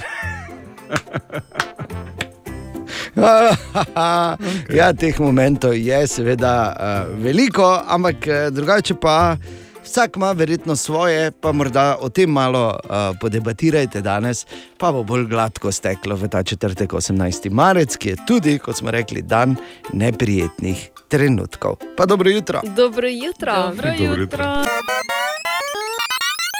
Pričel se je tudi upis v Mariborske javne vrtce, upis bo potekal do 26. marca. Vrtci. Bo, Zapravičujem. si v redu? Ja. Zataknila se mi je, se pravi. Mm. Vrtci upisujejo otroke, ki bodo letos dopolnili starost 11 mesecev in vse ostale do vstopa v šolo. Želimo dobro jutro. Dobro jutro. Dobro jutro. Samo malo. Še enkrat, še enkrat, fanti, gremo, gremo pomagati, pomagati. Starejšemu občanu počasi pazite na kolke. Ja, tako, ja, tako, tako, tako. Oh, pa smo rešili Bora. Mislim, da smo uh, vseeno dolžni eno opravičilo, medtem ko smo starelemu članu jutranje ekipe želeli pomagati, smo nehote poskrbeli za vznemirjenje, ker uh, tako nas je uh, poklicala poslušalka. A, jaz bi vas pa lepo prosila, če lahko tole sireno odstranite, ker sem zdaj začela prehitevati in otisno ste vi spustili sireno in sem se skoraj zaletela, tako strašna sem se. Oj, oj. Torej, a, ja, nič, jaz predlagam, da jo kar razrežemo. Samo malo. Tak. Stran gledam, ker nimamo čal s sabo v službi, da, da mi ne bi kakšna iskra. Evo. Tak. Tak, Bor ti pa idi peš. To ta ne več zavijala. Ne, razrezana, po drugi strani pa pazite in ne imeti tako slabe vesti. Ne? Če enkrat nekaj, ne takoj misliti, da ste vi naredili kaj narobe. ne. ja, se vem, da je lahko zelo, zelo nerodno, tako da pazite in mi se bomo potrudili, bor pa tudi. Narečja so zakon. Ha, kva, koga, kaj? Ma ne razumem. Ja, tako vsak dan na radiju vsi ti govorimo, sploh v Frasi Medvršovu in Marko Fras, oče na reči, ne na splošno, ker vemo, pravi oče je Bor. Ne? Uh, gledamo tako čist zgodovinsko. Ne? Ampak na, pri nas na, na radiju City pa je. Marko, dobro jutro. Dobro jutro. Bravo. Na zadnje smo iskali narečne izraze za uriniranje. Jaz sem Sandi, prihajam z okolice Vega Erle, pri nas se reče uriniranje vcoja. Naprimer, jaz moram iti vcot, me tako vcoti šika, on se puvca. Jaz sem Denis, prihajam iz Vitomart, pred nas govorimo sad, da te sad tiši. Grega prihaja iz Maribora, moj izraz za uriniranje je dati prijatelj roko. Zdravo, jaz sem Andreja iz Maribora. Um, pri nas, pa sploh, ko sem bila majhna, smo rekli, da grem piškat, oziroma malim otrokom ponovadi rečemo, da grejo piškat. Zdravo, sem Anja iz Maribora in pri nas v treniranju rečemo, grem odliti. In še nekaj ostalih z Facebooka, joj komeno vcoje, gleoviščije, scaje, lulanje, odtočiti. E, nekateri otroci rečejo tudi, moram spustiti lulanco, grem hcot, grem na minus, petelini kri spustiti, po starinsko tudi cujkanje ali moram iti cujkat, sem se pocelala, predsedniku dati roko, pišanje, vodo točiti in v kejsli plac narediti. V tem tednu pa iščemo narečne izraze za besedno zvezo pojdi stran. Kaj pravite vi trije, gospa Lastvica, Golombiš in Govenšček? Kraj. Govenšček. Dobro, dobro. Veš kaj, fras? Idi v kraj. Ti, ti lepo meni. okay. Najprej naj samo povem, da bi samo čestital kdorkoli se je spomnil na to legendarno, da greš petelino kri spustiti. Eh? To je prvo. Ne vem, če ni bila bolj za plosta, daš predsedniku roko. Ne? Drugo pa, Marko, daj povej. Gospa Lastvica je podlasica, golombiš je krogla ali pa kepa, govenšček pa je govejak oziroma goveji iztrebek. Mi smo rekli kravjek tudi včasih. Ne? To je to, bor, ko ste si včasih po zimi noge odgreli, ko je bilo fajn toplo, ko še niste imeli tako čevljev. pa to. Vse veš. Veš, ko to trdi, ne? Samo vi ste pač v govenšček od uh, mamuta, dali noge, to pač bilo drugače takrat. 16 minut, če sedmo, ne zamudi, nareče se zakon, vsak dan frasim ne vršil po drugi uri. Ha, koga?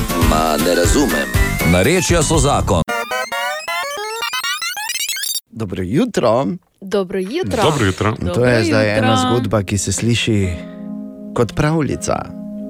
Dobri stric Google.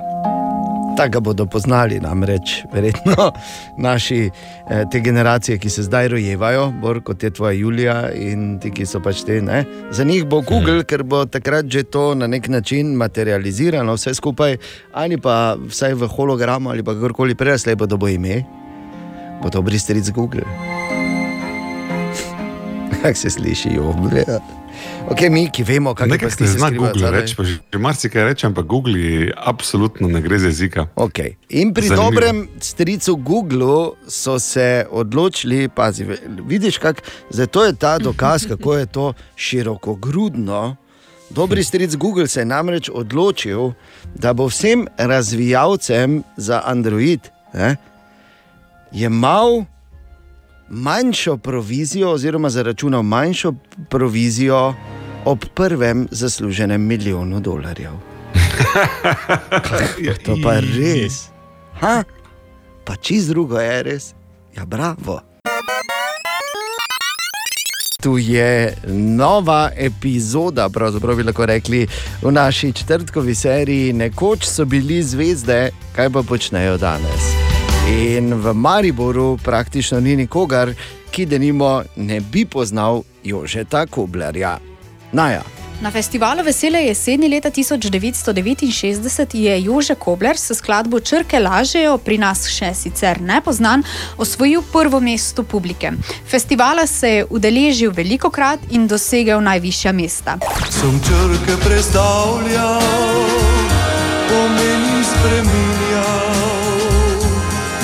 Naposled spoznal sem, da to je resnica, da črke so črke. Njegova še danes najbolj opevana pesem pa je Še eno rundo daj to čajka, ki jo skoraj zagotovo poznamo vsi. Jože pojasnjuje, kako je nastala. eh, Svečkotom Mindorferjem, s Ecom. Sva se enkrat ostavila tu med Slavijo pa Mariborski tisk, tam čez ne, še ni bilo, še ni bilo banke. Pa se ga čuje, da je ti za mene nekaj napi, napiše. Ne. Se neko, glej, vedno se poslavljamo, ali smo bili na kmečkem turizmu ali v kakem lokalu tu v centru. Daj še eno rundo, var pa to. Se neko, daj na, ta, ta naslov, še eno rundo, daj samo, ne.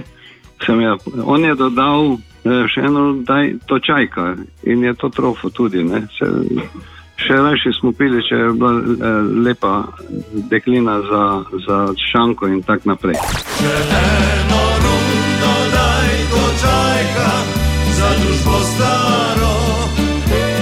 Še.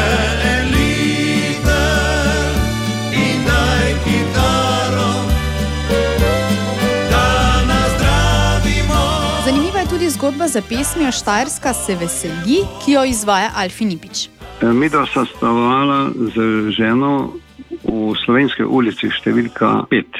Tale gospa, ki nam je dala stanovanje na razpolago, nam ni dala na, eh, na uporabo WC-ja. In to je bila, eh, bom rekel, malo šaljiva zadeva, in tako da smo žena, mogoče prej, kdaj, ali iz službe in tako naprej. Eh, Jaz pa sem že zvečer pa do Orla, da sem lahko šel dvakrat ali pa trikrat na WC pri Orlu.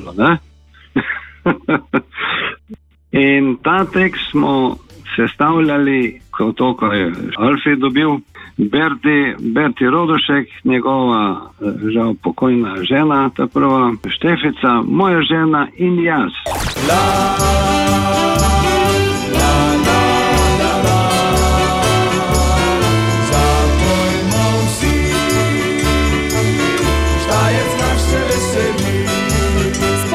številnih nastopov, ki jih spremljajo pestri dogodki. V zaodrju so mu zaradi petja v srbo-hrvaščini celo grozili, v dobrem spominu pa ima tiste, ko je svoje koncerte popestril z raznimi komičnimi vložki. No, je pa Jože tudi, tako kot vsi mi v našem mestu, ne, velik navijač enka Maribora. Ne? Ja, veliko krat se udeleži tekem v ljudskem vrtu, nastopil je tudi na prireditvi ob 50-letnici nogometnega kluba.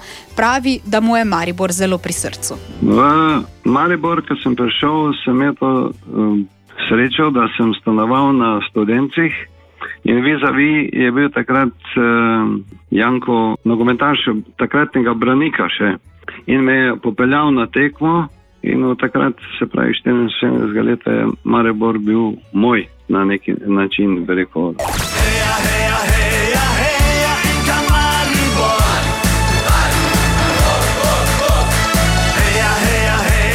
In kaj počne danes? Danes, ko je lepo vreme, igram tenis v Pekrah ali po zimi v ŽTK-ju, no, v dvorani, pa drugače se odpeljava, imamo en apartman na morju. Zdaj pa prosti čas, samo še čakamo malo toplejšega vremena, da- začnem doma lopatati, štihati na vrtu. Kljub nesreči in 78 letom pa še vedno rad stopi tudi na smoči. zapojemo, da se spomnimo in da pozabimo.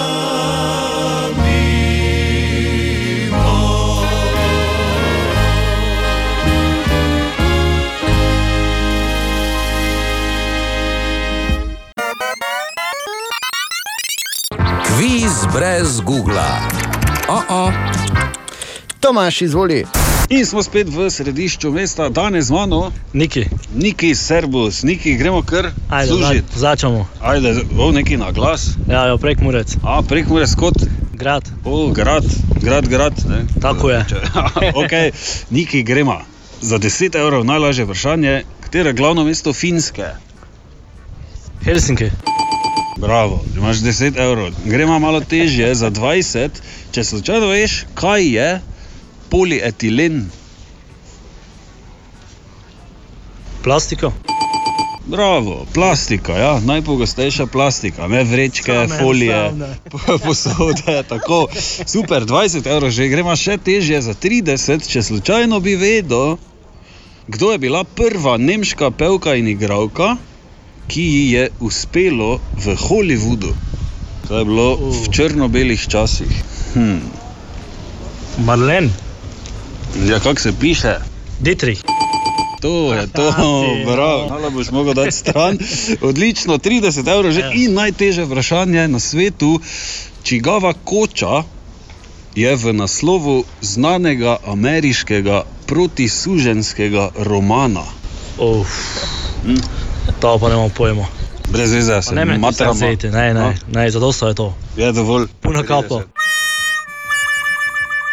Ok, neki čestitke, 30 evrov je tvojih, to je pa koča strica Toma, je naslov. E, to zdaj zapomni. Ja, ne? Evo, Hvala ti. Veš. Hvala, lepo bodi. Hvala, ajde. Adijo. Kak je bila Katja vesela, ko so njeni bili danes? Ne? Ja, ker domov sem šla. Se mama. vem, se Samo da, zato da, Ja, prek ja. Veš Dejan, Daj mi trenutek, da vidim, če je to eh, po celi naciji razširjeno, to nevedenje okoli suženstva Katja. Kdo pa je napisal? Kočo strica Toma oziroma Kaj Uncle pa Tom's jaz Cabin vem. v originalu? Ne vem. Harriet Beecher, še en primek ima. Mm-mm. Definitivno je gen, da je en zgleda. Ja. Zgleda ima neki gen, ne? In tudi to zanikanje, a vemo, kdo so bili prvi sužne lastniki na področju Slovenije, ne? oziroma Tako. takrat še tam Mačarske. Ne, se ne, prosim. ne. Joj, ne, pardon, no, ok, ok, res, res. Te stereotipne šale. Super, super. Uh, lepo in čestitke, in ne pozabiti, Tomaža, srečaš na ulicah našega mesta, ne se ga bat, čeprav ima gor masko, ker ima denar. Kviz brez Google. Oh -oh. Skoraj nemogoče vprašanje, ko je vprašanje veliko spektakularnejše od odgovora, ali pač. In spet naši klasični tekmovalci, Borgrajner, Katja Grigorec in pa tezenska princesa Ana Lakota. Pozdravljeni. Dobro jutro. A Kako so bili oni, ko so bili tam, ko je bilo 300, kako so imeli? Haru so sedeli. Haru so imeli, ja, Oni, ko točno. jih je bilo 300. Ja, Stari, poslušaj. tako. Od nekdaj so seveda eh, Špartanci sloveli po svojem kriku Haru. Ja. Tako, this is Sparta. Mm. A, Paruičani so bili. pripravljeni? Tako pravi današnje skoraj nemogoče vprašanje. Te stvari so dan danes 50 odstotkov krajše, kot so bile pred desetimi Krila. leti. Kaj? Te stvari. Krila. Lasje. Ne? Ampak zanimiv Pogo, poskus. pogovarjanje. Ja. Kako pogovarjanje? Ja, ja, dvogovor. Normalno pogovarjanje. Ne, Ne, ne govorimo preko normalnem Pisanje, SMS-i. Ne, Koliko ne. let nazaj? Ne, Ne. ne, ne, čakaj. Komunikacija. Kakšna komunikacija? Medsebojna. Ja. Ja, Medosebna komunikacija. Bom rekel vroče, vroče, vroče. Ne, Komunikacija v živo. ne vroče, vroče, vroče. Telefonski pogovori. Bravo, Bor. Ampak da nisi mi na spovedi v cerkvi, da vse neki jal, pa ne odgovor. Če sem vroče, vroče, vroče. Za koga govoril. te velja, da ima kratke telefonske pogovore? To ženske niso tu. Ma, Ampak v Ana, povprečju- le, r- Roko na srce, to ni vprašanje, katerega bi lahko vidve odgovorili pravilno. Ja, res je. Res je. Zakaj? Ja, no, ja, sem samo zato. vprašanje, kako hitro bom jaz. Ampak v povprečju so res telefonski pogovori danes za pol krajši, kot so bili pred desetimi leti. Oh, ne bom komentirala. Ne boš? Bravo, Borbo. Ja, seveda. Bravo, jaz, ker sem rekel spovedi, pa da ni reagiral, pa mi je zaskrbelo resno, da je res to. Rekel bi samo to, da ta samozavest, ki smo jo bili včeraj uh, deležni strani tedenske princese, Glej. se je razblinila kot milni mehurček, ko ga napade borova igla. Preveč blestet. ne. Kako bi te to Ali pa pač stari prst, pač s čemerkoli že napade, milni mehurček. Tako da čestitke Boru, aktualni šampion Bor. do prihodnega petka. Dobro jutro. Dobro jutro. Dobro jutro. Ali se vi zavedate, da je 16. marca minilo leto dni, odkar tudi mi na Radio City delamo od doma, oziroma delamo prilagojeno razmeram? Ne. Veš, kaj me skrbi, ne? da čas hitreje teče, ko se zabavaš, pravi stari pregovor. Ta čas dela doma pa je minil izjemno hitro. Torej, več kot leto dni, ko so se spremenili tudi higijenski standardi pri marsikom, ko tako pogledamo. Ne?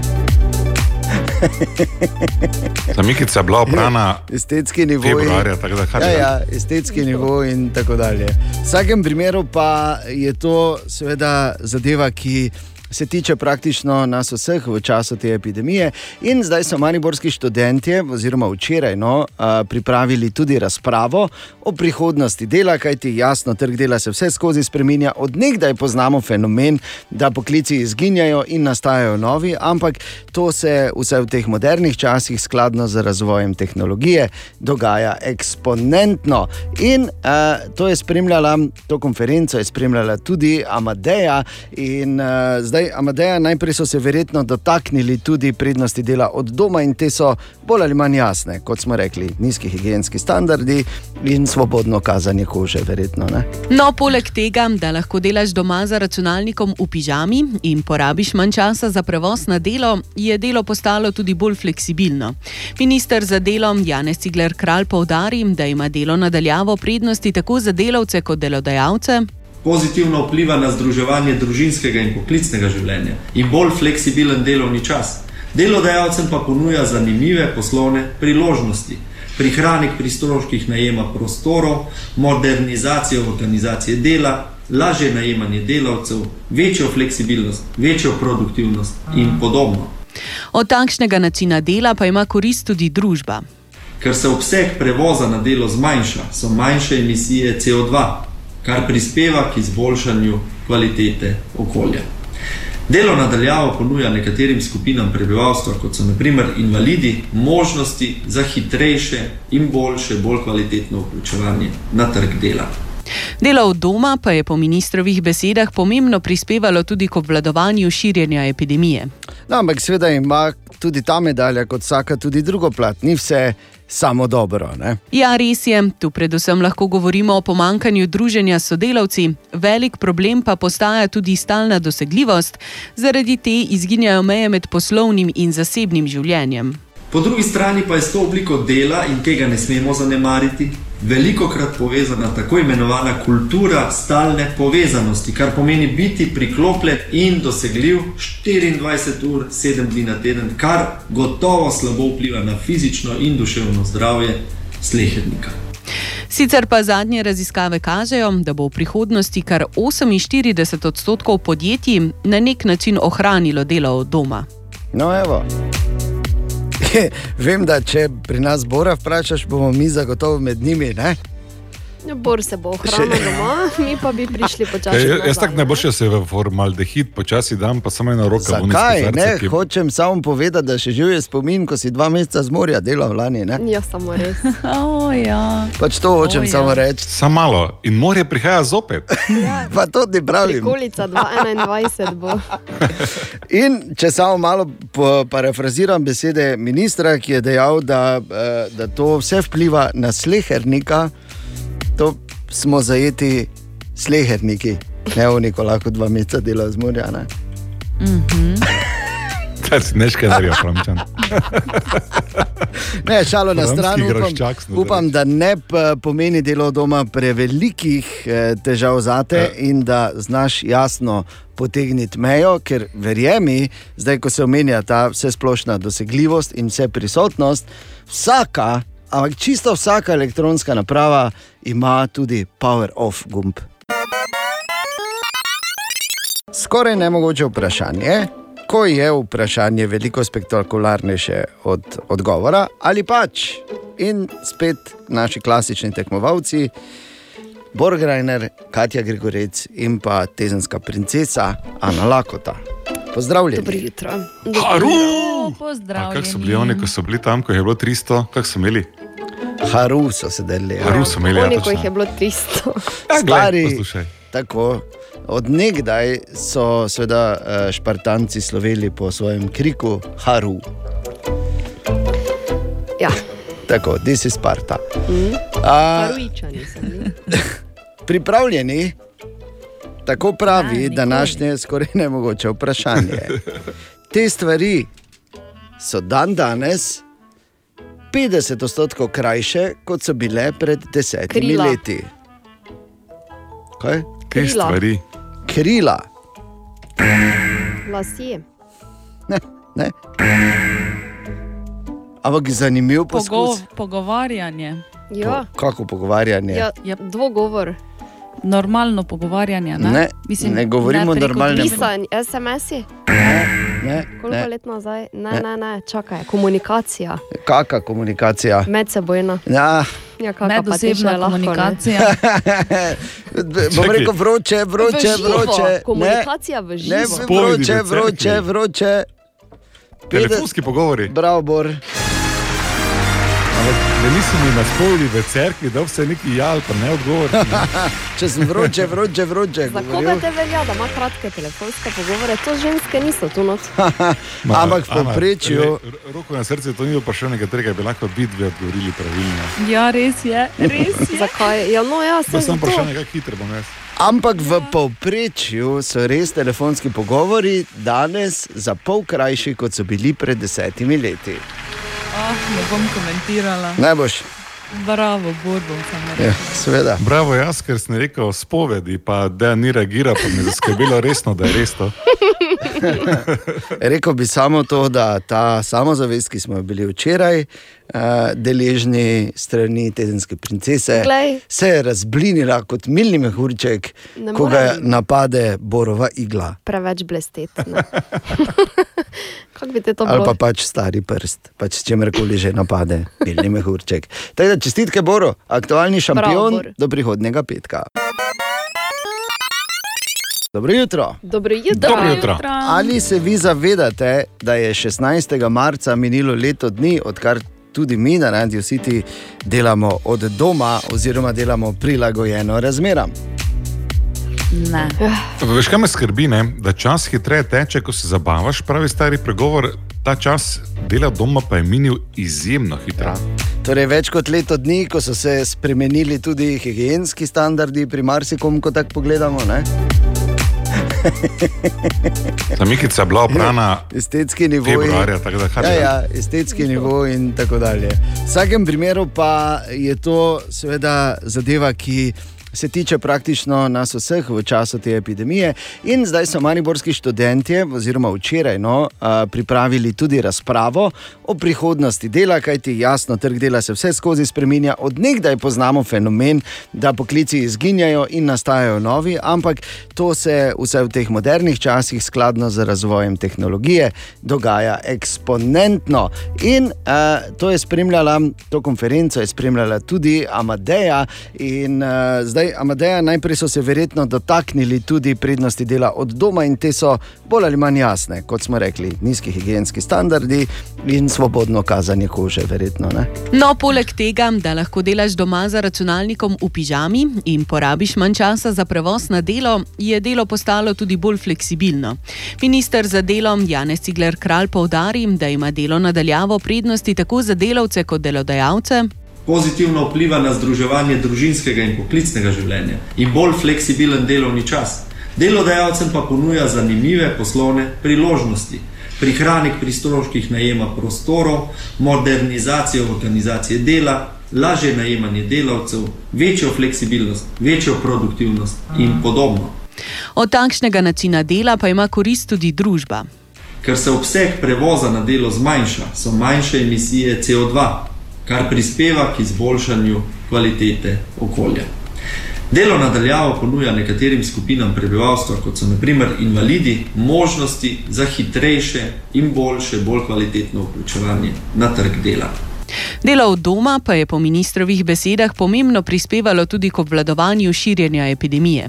No, ampak seveda ima tudi ta medalja, kot vsaka, tudi drugo plat. Ni vse samo dobro. Ne? Ja, res je, tu predvsem lahko govorimo o pomankanju druženja s sodelavci, velik problem pa postaja tudi stalna dosegljivost, zaradi te izginjajo meje med poslovnim in zasebnim življenjem. Po drugi strani pa je s to obliko dela, in tega ne smemo zanemariti, veliko krat povezana tako imenovana kultura stalne povezanosti, kar pomeni biti priklopljen in dosegljiv 24 ur, 7 dni na teden, kar gotovo slabo vpliva na fizično in duševno zdravje slehernika. Sicer pa zadnje raziskave kažejo, da bo v prihodnosti kar 48 odstotkov podjetij na nek način ohranilo delo od doma. No, evo. Vem, da če pri nas Bora vprašaš, bomo mi zagotovo med njimi. Ne? Ja, Bor se bo ohranil doma, mi pa bi prišli počasi. Ja, jaz tako ne. najboljše se v formaldehid počasi dam, pa samo eno roko v Zakaj? Ne, kozarce, ki- hočem samo povedati, da še živi spomin, ko si dva meseca z morja delal lani. Ne? Ja, samo res. Oh, ja. Pač to hočem O, ja. samo reči. Samo malo in morje prihaja zopet. Pa to ti pravim. Prikolica 2021 bo.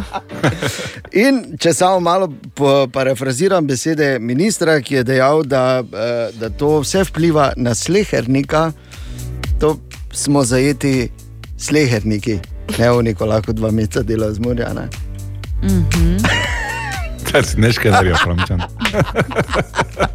Ne, šalo na stran, upam, upam, da ne p- pomeni delo doma prevelikih eh, težav za te Ja. in da znaš jasno potegniti mejo, ker verjemi, zdaj ko se omenja ta vsesplošna dosegljivost in vse prisotnost, vsaka, ampak čisto vsaka elektronska naprava ima tudi power off gumb.